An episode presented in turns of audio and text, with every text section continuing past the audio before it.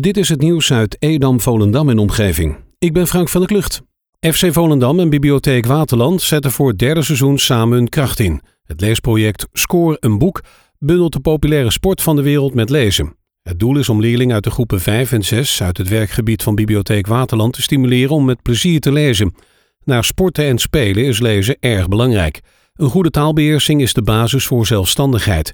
Als op 8 februari de basisscholen weer hun deuren mogen openen, kunnen de ruim 800 leerlingen uit groepen 5 en 6 meteen aan de slag.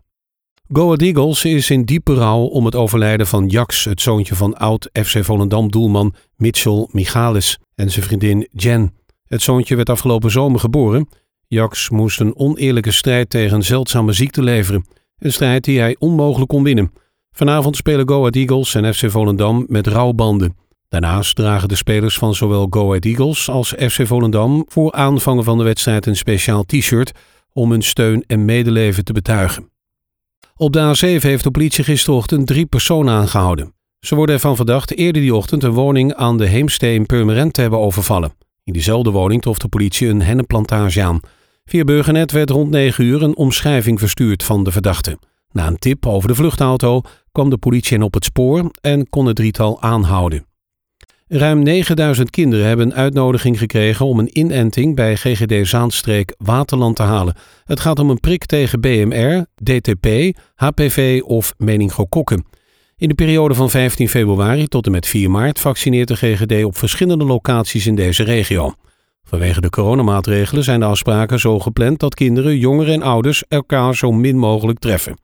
De GGD biedt de vaccinatie in Volendam aan op maandag 15 februari in Pop- en Cultuurhuis PX van 11 tot 4. Tussen zondagmiddag en maandagmiddag kwamen er in de acht gemeenten van Zaanstreek-Waterland 63 nieuwe besmettingen bij en dat is een stuk minder dan de dag ervoor. Inmiddels zijn sinds de uitbraak van de pandemie in maart bijna 20.000 inwoners van de regio besmet geraakt. Edom-Volendam blijft nu steken op vier geregistreerde coronagevallen. In totaal komt het daarmee uit op 2363. In de gemeente Waterland is het bijna twee keer zo erg met zeven besmettingen, in totaal 1095.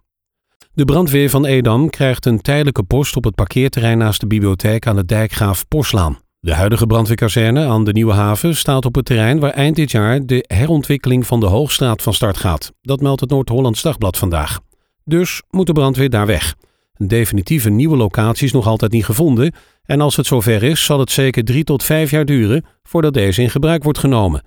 De gemeenteraad zal zich op donderdag 18 februari over dit collegevoorstel buigen. Vijf spelers van FC Volendam ontbraken gisteren op het trainingsveld. Joey Roggeveen, Mickey van de Ven, Mo Betty, Martijn Kaars en Dilando Panka. Ze zijn ziek.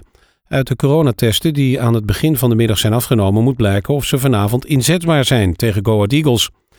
Na afloop van vrijwel volledig besloten training wilde Jonk niet veel kwijt over de ziekte. FC Volendam doet uit privacyoverwegingen geen mededeling of spelers corona hebben of niet. De gemeente Edam-Volendam waarschuwt dat er phissingberichten rondgaan over het aanvragen van financiële regelingen uit het steun- en herstelpakket. Deze berichten zijn nep. Actuele informatie over het steunpakket kan je vinden op rijksoverheid.nl coronavirus. Binnenkort gaan de coronavaccinaties in Landsmeer van start. Voor een deel van de oudere en kwetsbare inwoners is het misschien niet mogelijk om zelf naar de huisartsenpraktijk of vaccinatielocatie te komen. Welzijn Wonen Plus kan je hierbij helpen. De organisatie biedt onder andere ondersteuning aan bij vervoer. De vrijwilligers die in bezit zijn van een auto staan klaar om oudere en kwetsbare inwoners die nog zelfstandig kunnen lopen naar de vaccinatielocatie te gaan brengen. Voor dit vervoer wordt een bijdrage gevraagd van 30 cent per gereden kilometer. Tot zover het nieuws uit Edam, Volendam en omgeving. Meer lokaal nieuws vindt u op de Love Kabelkrant, onze website of in de app.